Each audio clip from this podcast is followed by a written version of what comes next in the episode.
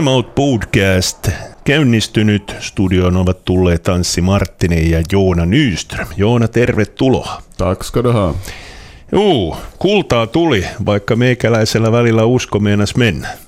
No, nu sa vi väl från första början att det ska bli guld nu. No du kanske. Joo, Eiklas oli hieno voitto. No, ainahan tulee sitten näitä arvosteluja jälkikäteen. Esimerkiksi nyt puhuttiin näistä jäähyistä.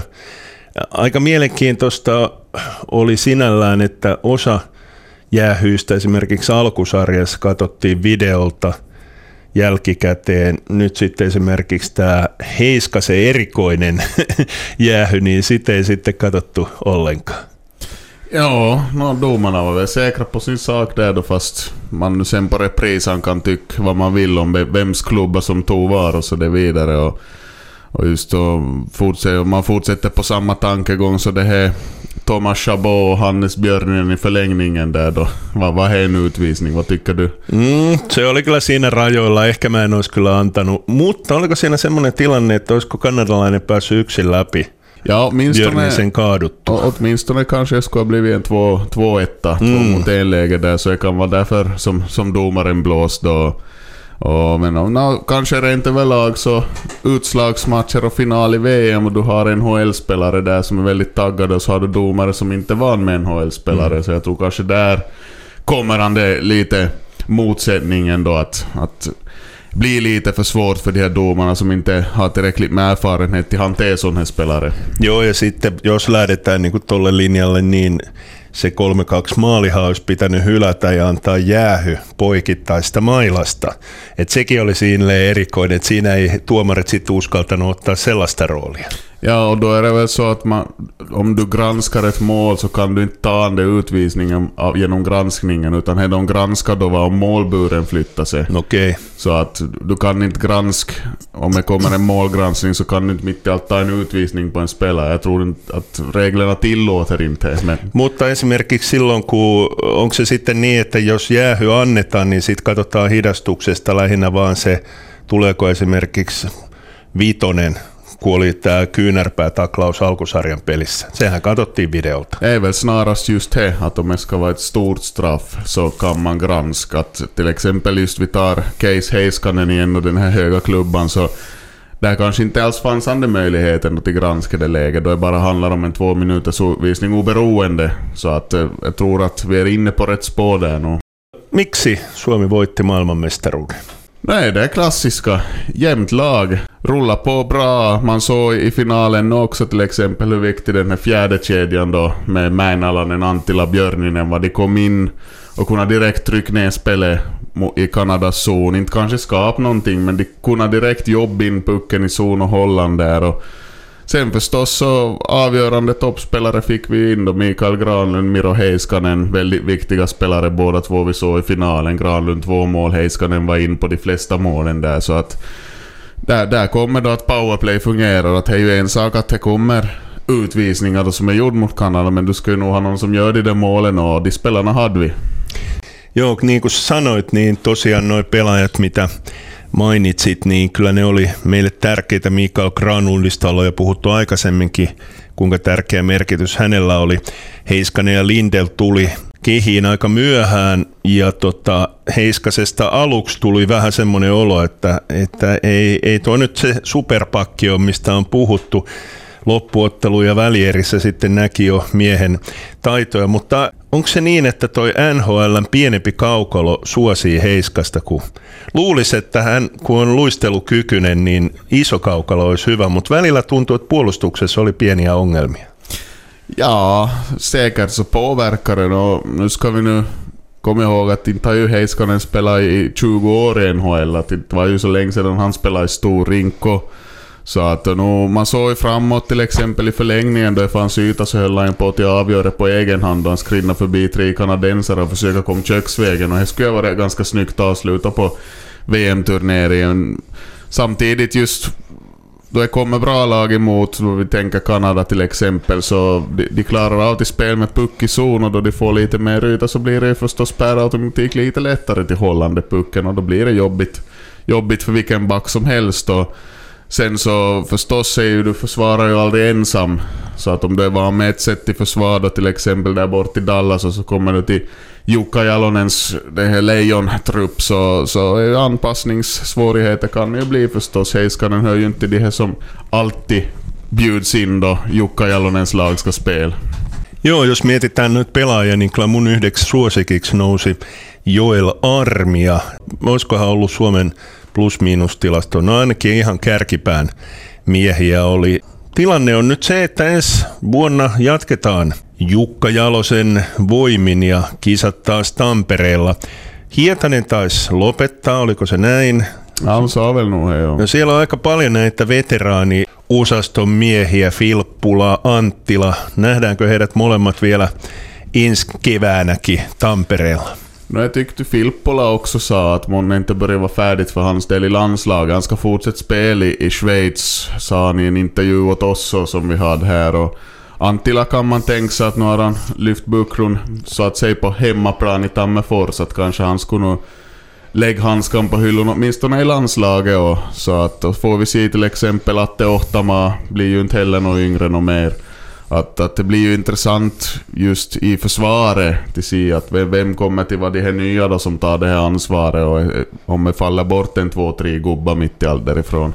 Niin, jos esimerkiksi Anttila lopettaa, niin mulla olisi tämmöinen supernelosketju, jolta kukaan ei saisi kiekkoa pois. Siinä olisi Härski Hartikainen, siinä olisi Joel Armia ja siinä olisi Hannes Björninen. Ja, no då, då kanske det faller på att, att Joel Armia är lite för bra för att spela i en sån där brottarkedja. Att han, är, han har ju ramarna, han är ju stor och stark så han skulle klara av det, men vi, vi såg ju vilken spetskompetens han har framåt också i VM och jag vet inte, han har ju flugit lite under radarn kanske för Finlands hockeypublik trots att han spelar i NHLs finaste klubb. Så, så att, Hei, niin, armiasta jos puhutaan lisää, mä, mä oon edelleen, niin kun mä oon todella niin kun, riippumatta missä seurassa armia pelaa, niin mä oon todella vaikuttunut hänen pelaamisesta. Oliko hän jopa liian tavallaan alaketjussa? Olisiko pitänyt jopa kokeilla välillä? No, tietysti pelasi ylivoimaakin ja Ja, no är förstås. Du ska bygga ihop de där kedjorna enligt, enligt hur det funkar och vad Armia är ju... Han är ju en tvåvägsspelare helt klart. Att han, han är viktig i båda, så, båda ändorna av rinken, anfalls och försvarszon och klarar av att hålla hålla i spelet oberoende så att på det viset är en ganska komplett hockeyspelare och då kan du ju spela lite i vilken roll som helst som vi redan sa här så att för Jukka Jalonen var inte så svårt till, till plocka in Armia i det här, det här gänget för att han är en sån där spelare som anpassar sig och, och det spelar inte så stor roll hur, hur du matchar han. Plus då just att du vet att då är sen hetta till då så kan du kasta in han för han har han förmågan till att avgöra. Kyllä, kyllä. Ja hei, ei pidä unohtaa Mikko Manneria. Mm. Ja hienot muuvit Leijona Ja, juhlissa. nej, no, men jag, jag har varit på salsakurs jag och på seglis så jag vet hur viktigt det är att ha mjuka höfter då man ska börja dansa. nej men det var ju som, som Jukka Jalonen sa också efter finalen att då, då det var paus mellan tredje perioden och förlängning så var ju Mikko Manne som gick runt i omklädningsrummet och ritade upp att ifall vi får powerplay 4 mot 3 så här gör vi. Han förutsåg det och så spelade de enligt Mikkos modell och avgjord VM-finalen så är ju ännu en stor, stor fjäder i hatten åt Mamba. Joo, voisiko Mambasta tulla Jalosen jälkeen päävalmentaja? No, no absolut tycker jag det. Att han har ju nog visat, visat att han håller som headcoach och i Kärpät och han gjorde helt bra i Brynäs nu första säsongen i SHL. Och är väl Antti Pennanen då och just Mamba som är stå mellan vem som ska efterträda Jukka Jalonen skulle jag tänka. Sen har ju förstås, har ju Manner också själv sagt att i något skede så vill han komma tillbaka till sport och, och hjälpa sport med, med sin kunskap. Så att vi får nu se då om det är så då att sport går bet och är landslaget som fortsätter hålla i han. Men man kan förstås dubblera där. Och. Kuuntelet Time Out podcastia studiossa Anssi Marttinen ja Joona Nyström. Ja olitko tekemässä juttua Juho Autiosta? Ja, jag var ne- ute i Malax och, och pratade med Juho Autio som tar över som head coach i, Malax IF division 2 och efterträder då Freddy Smulter där på posten. Och, och Juho är ju gammal sportspelare och spelar för sport som Junno och, och Mesti så han jobbar ju för, för sport nu också där på, på kontorssidan så att det ska bli väldigt intressant. Just det jag frågade honom lite, att har han som tankar på att, att det här tränarjobbet ska bli något heltids i framtiden, så han sa att, att nu, nu drömmer han ju om det. Men att ett steg i taget nu då. Och Division 2 är en, en bra serie till början. Puhuiko hän mitään entisistä työnantajista? Nää, entisistä työnantajista. Mm. Hän on ollut Radio Vaasassa töissä myyjänä ja, ja minä olin hänen pomonsa. Ja, ja när jag sa nog att det var nog skönt att slippa här från radion. Joo, Juho on mainio tyyppi ja kokemusta on tuolta jääkiekkopuolelta ja edelleen niin kuin tuo sydän, sydän sykkii jääkiekolle. Se on mielenkiintoista kuitenkin, että noin alasarjakin, nekin kiinnostaa aika lailla vanhoja pelaajia. Joo, och Eva, det pratade vi om också i Malax igår just det, när Juho sa också att han, han har en sån känsla att just det här division 2 här i våran region så hör till de bästa liksom på den här nivån i, i hela Finland, att det finns Säpinä här nu och att det är just den här serien har gått framåt de senaste åren. Där håller jag med. Eh, det kommer in ganska unga spelare nu i den här serien. Det är inte en sån här nedvarvningsserie utan det är folk som vill faktiskt spela och är lite seriösare med träning och det kommer in bättre spelare också just med sån här spetsvärvning. Alltså att på det viset så, så är det ju en, en, serie som går framåt hela tiden och är så positivt på det viset. Och det visar just att en sån här som Juha Autio då vill komma in och prova på och kanske bygga på någonting genom division 2 så, så är det en stor grej. Och, och det ser ju bra ut till exempel för Malax nu. De har stommen intakt där och, och det kommer att bli en intressant serie igen. Sitten jalkapalloon. Vaasan palloseuralle mahtava ja erittäin erittäin tärkeä voitto tuolla Maariahaminassa. Vepsun pelit on aika mielenkiintoisia. Silloin kun Vepsu pelaa erittäin hyvin ja hallitsee ottelua, niin on tullut tappioita. Nyt VPS oli ainakin ottelun alun täysin jyrän alla Maariahaminaa vastaan, mutta silti voitto koti. Ja, ja, du har helt rätt i det. Efter två hemmamatcher där det var just så den, bra spel, inga poäng så, så kommer det då en helt motsatt match. Och, men å andra sidan, man måste ge lite det här kredit då för att de var ju effektiv. Första halvlek kom två lägen, Kalle Multanen gjorde två mål. Så på det viset, Kalle Multanen och Sebastian Strandvall där som jobbar, jobbar ihop för att få fram de där målen. Och så tycker jag ju att det här tredje målet som Samba Silla gör är ju riktigt pärlo här rensning på hörna och så brottar han ner sin gubbe och bara springer iväg där och visar prov på hur lätt, lätt på foten han är, hur lätt och fint steg han har. Han bara sprintar iväg dit så att Joo, se oli semmoinen tilanne, että mä olin tosi tyytyväinen, että ei tuomari viheltänyt siitä. Siitähän olisi voinut joku vähän heikompi tuomari viheltää vaparin Maariahaminalle. Absolut, absolut. Men det var en, det var en ren 50-50 mm. situation. Det var båda stred om bollen och Andena så hängde med då. Så Mm, me ollaan paljon puhuttu Sebastian Strandvallista, siitä, että nämä erikoistilanteet ei ole oikein toiminut. Nyt hieno kulma, josta tuli maali, sitten Strandvallin veto, josta Multanen jatko. Ja myöskin Multasesta ollaan paljon puhuttu siitä, että Kalle Multanen, hän ei niinku itse luo oikeastaan tilanteita, mutta hän on aina siellä oikeassa paikassa. No ei just det som han har gjort sig känd för, att han är ju en sån här engelsmännen pratar om Fox in the box. Att, att det är en, en boxstriker helt enkelt. Och nu visar han ju här Just att ju, du sa hörnorna av Strandvall var jättebra, men det var en väldigt klinisk nick också av Multan. En perfekt träff där och så. Sen var frampande returen. Han var lite, lite före Timi Lahti, gamla VPS-backen, som försöker kasta sig fram där och och bryta. Och nu ska vi bara hoppas att inte gick så illa för Sebastian Strandvall. Han niin. blev utburen mm. på bår i andra halvlek. Såg ut som att han vred ena knä. Onko mitään kuulunut? Jag har inte hört någonting än i alla fall. Det är ju på, på Loma nu, VPS, den här veckan. Så. Joo, ja se oli oikeastaan, nyt tuli niinku tosi hyvään rakoon. Tämä meillä on, alkaa olla niin kuin tuolla sairastuvalla vähän liikaa ukkoja. Siellä on tärkeitä miehiä nyt. Seba loukkaantui, sitten siellä on Vahtera – Onko vielä jotain muitakin loukkaa? No tietysti pitkäaikaisloukkaantuneita on. Taitaa olla Nuutinen, kun on ollut siellä jo pitemmän aikaa. Ja, nu, Nuutinen är fortfarande ur spel. Han har liksom Riku Jäska haft det här överträningen. Jäska gjorde ju comeback nu i division 3 i lördags, så att han är, han är på gång igen. Och Lindeman kom ju också tillbaka nu till, till mittfältet, viktig, viktig pjäs där. Så att det egentligen då är bara Vahtera och Nuutinen då, så får vi se hur det är med Strandvall. Onko nyt kolme viikkoa peräti tätä taukoa? Minkä takia näin pitkä? Tietysti maaotteluita on, mutta tuntuu jotenkin niin kuin oudolta parasta peliaikaa, niin näin pitkä tauko. Jag tror att det har att göra med kuppen här emellan.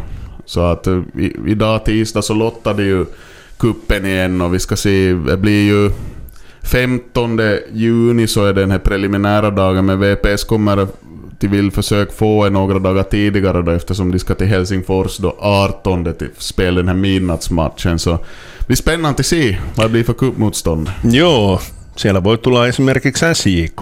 ja, så kan det bli. Ja. Onko siellä mitään enää näitä alasarjojen joukkueita? Tietysti on ykkösdivari, mutta onko sitä alempia? Jag skulle säga att det var nog några som hänger med. En skulle ha varit Japs, division 1 och Salpa, division 2 var väl ännu där. Mm, oliko MP mukana? Jo, Pudot, MP pudotti ut Jaro. Jaron. Ja, så då, då har vi åtminstone tre som inte ligalag där. Mm. Joo, ja tuollahan oli huippuottelu ykkösessäkin, jossa TPS voitti Jaron. Ja, Jaro hade, hade nog inte så bra flyt där inte. Led med 1-0 och så kommer en frilägesutvisning och, och sen, sen vinner TPS med 2-1 då, så att det börjar bli lite tight för Jaron och de hänger inte riktigt med i det toppstriden och, och där kom ju det mest Kanske överraskande resultatet var att SIKs akademilag då så snöt Gnistan med 4-0 tror jag till och med på hemmaplan. Så att snart kan man ju börja fundera att borde det akademilaget spela i ligan istället för att de går ju som tåget. De. Joo, ja Veikkausliikassahan tilanne on myös tosi tiukka, vaikka VPS voitti, onko kymmenen pistettä taitaa Vepsulla olla, niin jos HFK unohdetaan, jolla taitaa olla kolme pistettä, niin yksi häviö, niin sit sä oot taas siellä Karsian paikalla. Ja, där Miksu Paatelainen har nog ett enormt jobb HIFK. Och som sagt, VP ska dit och spela den här midnattsmatchen då, börjar 23.00. Och där är det ju igen, liksom det var nu på, på Åland, det är ju, det är ju tre poäng enda som, enda som är godkänt. Det måste bli poäng i just de här matcherna. VPS har ju fortfarande lite andra chansen till häng på i det här mittenskiktet. Kanske lite nos på andra i övre serien sedan istället för till fast där i botten och då, då måste bli poäng i en sån där match. Jääkiekkoa ja jalkapalloa tämänkertaisessa ohjelmassa muistutetaan vielä siitä, että tuolla Vaskiluodossa pelataan eh, ammattilaistennistä, tosin siellä parhaimmat pelaajat taitaa olla siellä ATP-listalla 500 paikkeilla, mutta siellähän voi käydä jopa semmoinen, että joku tuleva tähti siellä pelaa.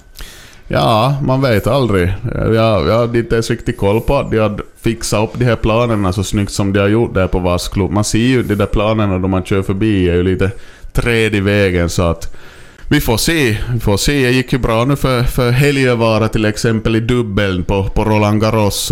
Jag vet inte, kanske... De har väl inte spelat Ei, nästa match. On pelannut ja valitettavasti putos, eli ei Just päässyt so. välieriin, eli puoli, mutta puoli välierä on kyllä erittäin hyvä ja, ja kyllä suomalaisessa tenniksessä on pikkusen nyt sitä nostetta. Kuitenkin Ruusuvuorikin on pelannut ihan hyviä otteluita. Ja, det verkar som att det finns en återväxt efter Jarkko Nieminen. Det får vi vara glad för. Joo, ja Jarkko Nieminenkin kun ajattelee, niin mitäs mieltä oot? On- Oli siellä, oliko 15 parhaimmillaan ja mun mielestä ehkä yksi aliarvostetuimpia suomalaisia urheilijoita. Ja, no, no, som vi säger, Joel Armi har flugit lite under Mm. radarn som gjorde väl Nieminen här att det är ju klart individuella sporter är ju bara då de kommer riktigt dit på, på sin maxnivå som de uppmärksammas kanske just och det var ju det några gångerna som Nieminen tog sig vidare flera omgångar i, i Grand Slam som han syntes. Joona Nyström, nyt tuli rupateltua pitkä. Kiitoksia. Tack, tack.